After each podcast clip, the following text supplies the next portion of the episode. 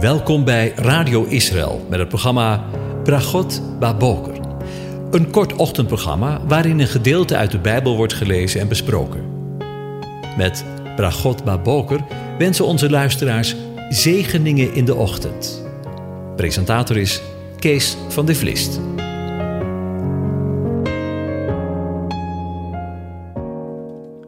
Hartelijk welkom, beste luisteraars weer.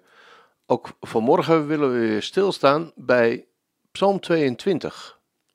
Ik lees nog een gedeelte aan je voor. Alle groten der aarde zullen eten en zich neerbuigen.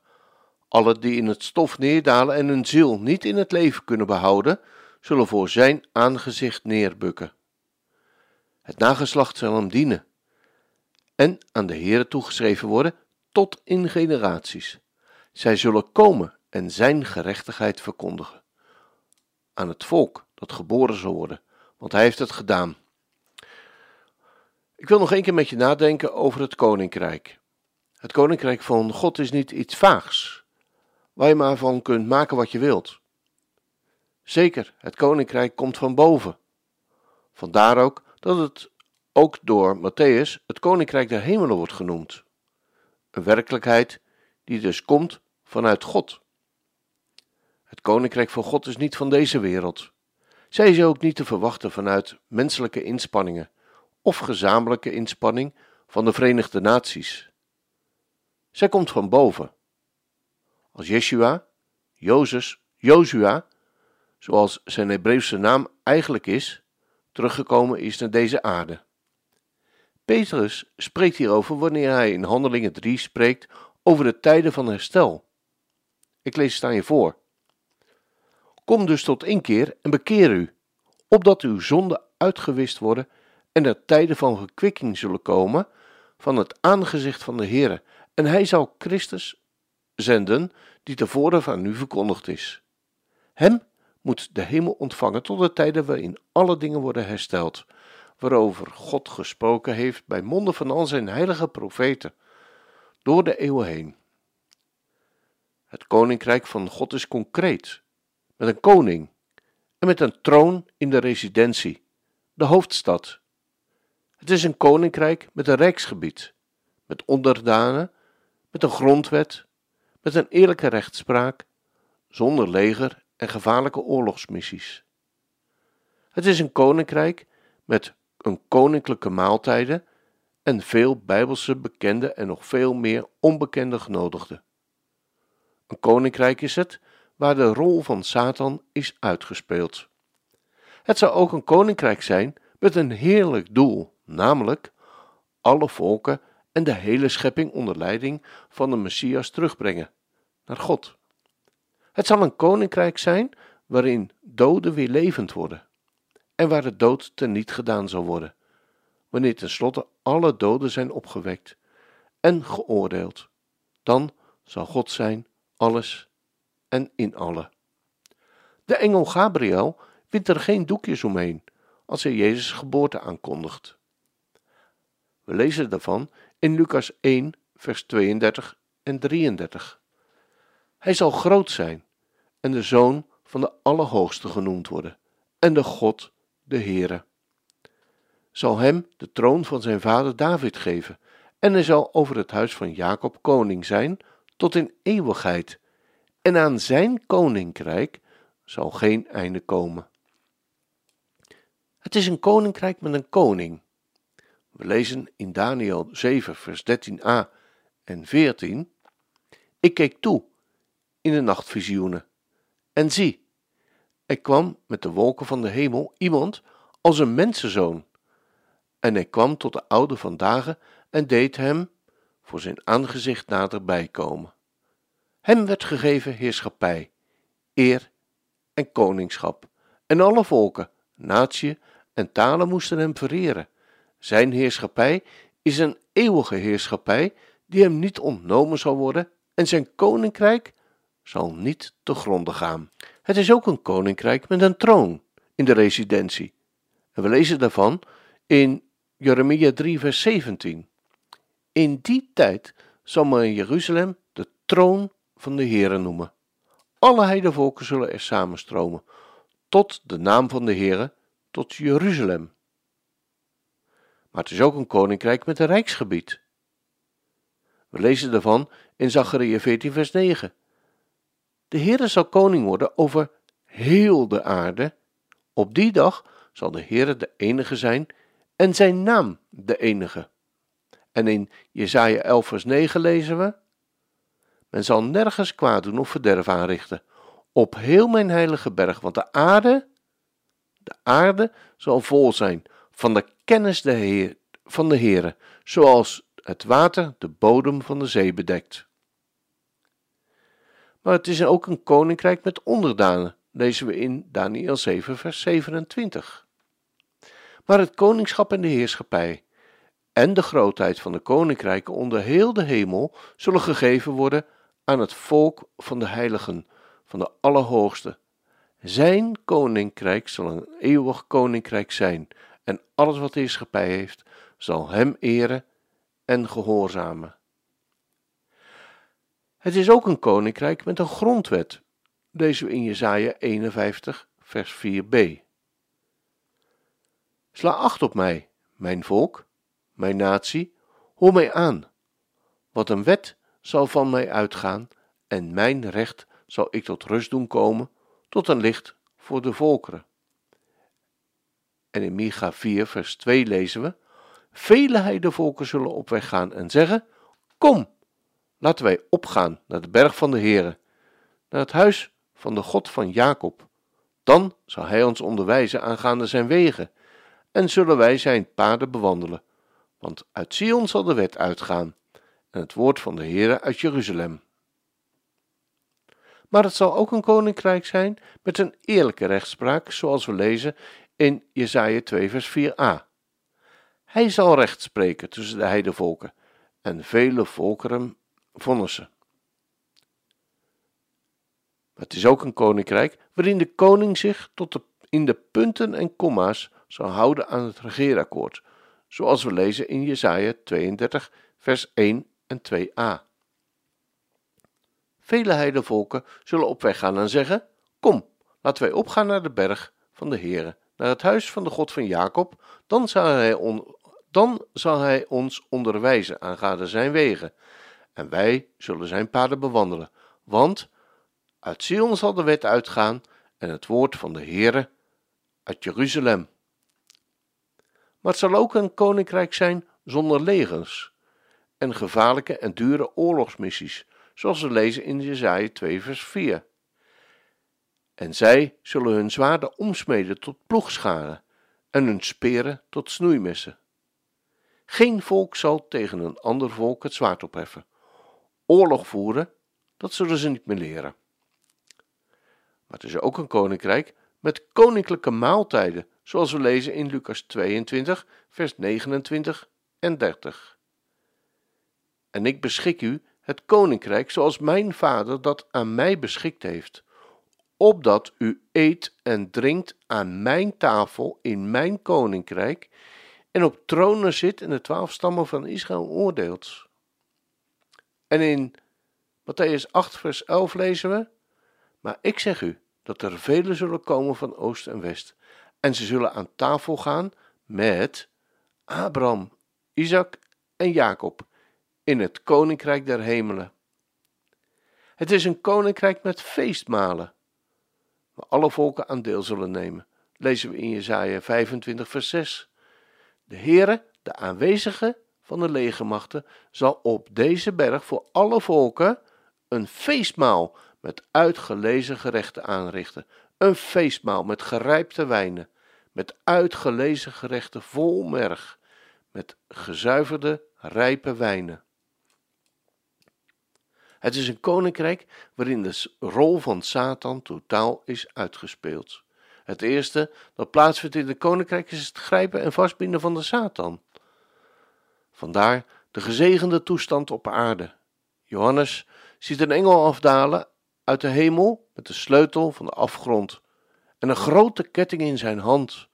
In Openbaringen 20, vers 1 tot en met 3a lezen we: En ik zag een engel neerdalen uit de hemel, met de sleutel van de afgrond en een grote ketting in zijn hand. En hij greep de draak, de oude slang, dat is de duivel en de Satan, en bond hem voor duizend jaren en wierp hem in de afgrond en sloot hem daarin op en verzegelde die boven hem, opdat hij de volken niet meer zou misleiden, totdat het duizend jaar een einde gekomen zouden zijn.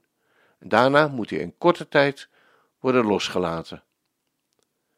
Het is een koninkrijk met een heerlijk doel: alles terug te brengen naar Gods leiding.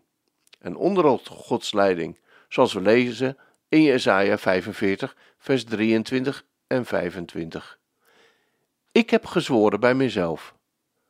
Uit mijn mond is in gerechtigheid een woord uitgegaan, en het zal niet terugkeren, dat voor mij elke knie zich zal buigen, elke tong zal bij mij zweren, voorzeker. In de Heere zal men van mij zeggen, zijn rechtvaardige daden en kracht, tot hem zal men komen. Maar zij zullen beschaamd worden, alle die tegen hem in woede ontstoken zijn.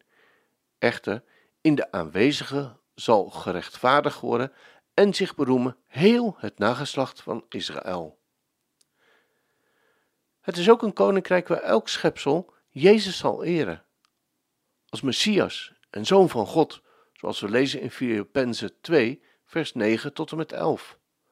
Daarom heeft God hem ook bovenmate verhoogd en heeft hem een naam geschonken boven alle naam, opdat in de naam van Jezus zich zou buigen.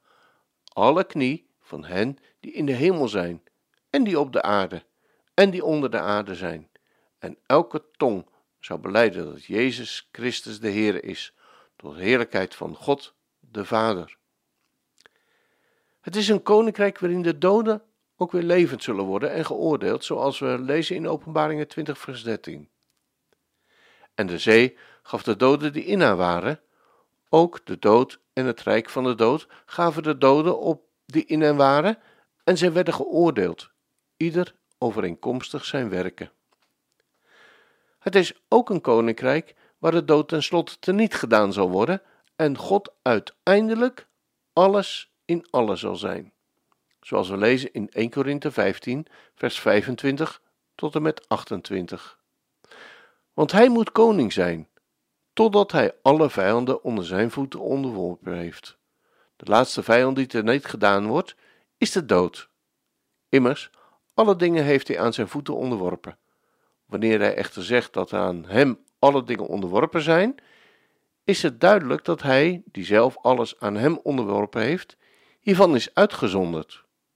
En wanneer alle dingen aan hem onderworpen zijn, dan zal ook de zuil zichzelf onderwerpen aan hem, die alle dingen aan hem onderworpen heeft, opdat God alles in alles zal zijn. Deze tijd wordt ook wel het duizendjarig rijk genoemd, omdat in Openbaringen 20 zes keer genoemd wordt dat het een periode van duizend jaar zal zijn. Hierover vertelt Corrie ten Boom een keer dat een theologiestudent haar zei: Maar tante Corrie, dat duizendjarig rijk, hè, dat wordt toch maar één keer in de Bijbel genoemd? Waarop Corrie ten Boom heel gevat zei: Hoe vaak moet het in de Bijbel staan? Wil je het geloven? Ja, en zo is het.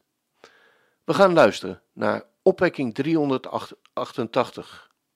De woestijn zal bloeien als een roos, en de steppen zal jubelen en juichen, want het levend water van Gods geest maakt dorstig land tot waterbronnen. Sta op, Sion, en juich, want de Heere heeft u verlost. Want de lammen zal springen als een het, en de stomme zal jubelen en juichen. We gaan er naar luisteren.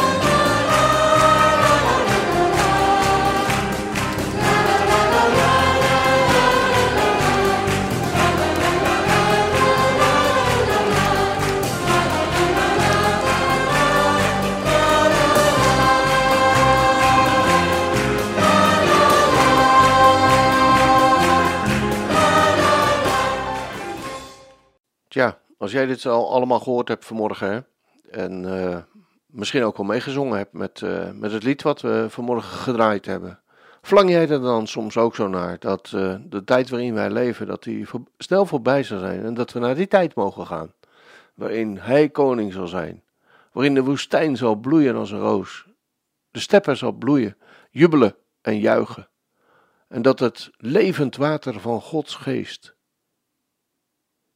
het dorstige land tot waterbronnen zal worden. Ja, want de Heere heeft je verloon verlost. Want de lammen zal springen als een het en de stomme zal jubelen en juichen. Als dat geen zegen is. Ik wens je een van God gezegende dag toe.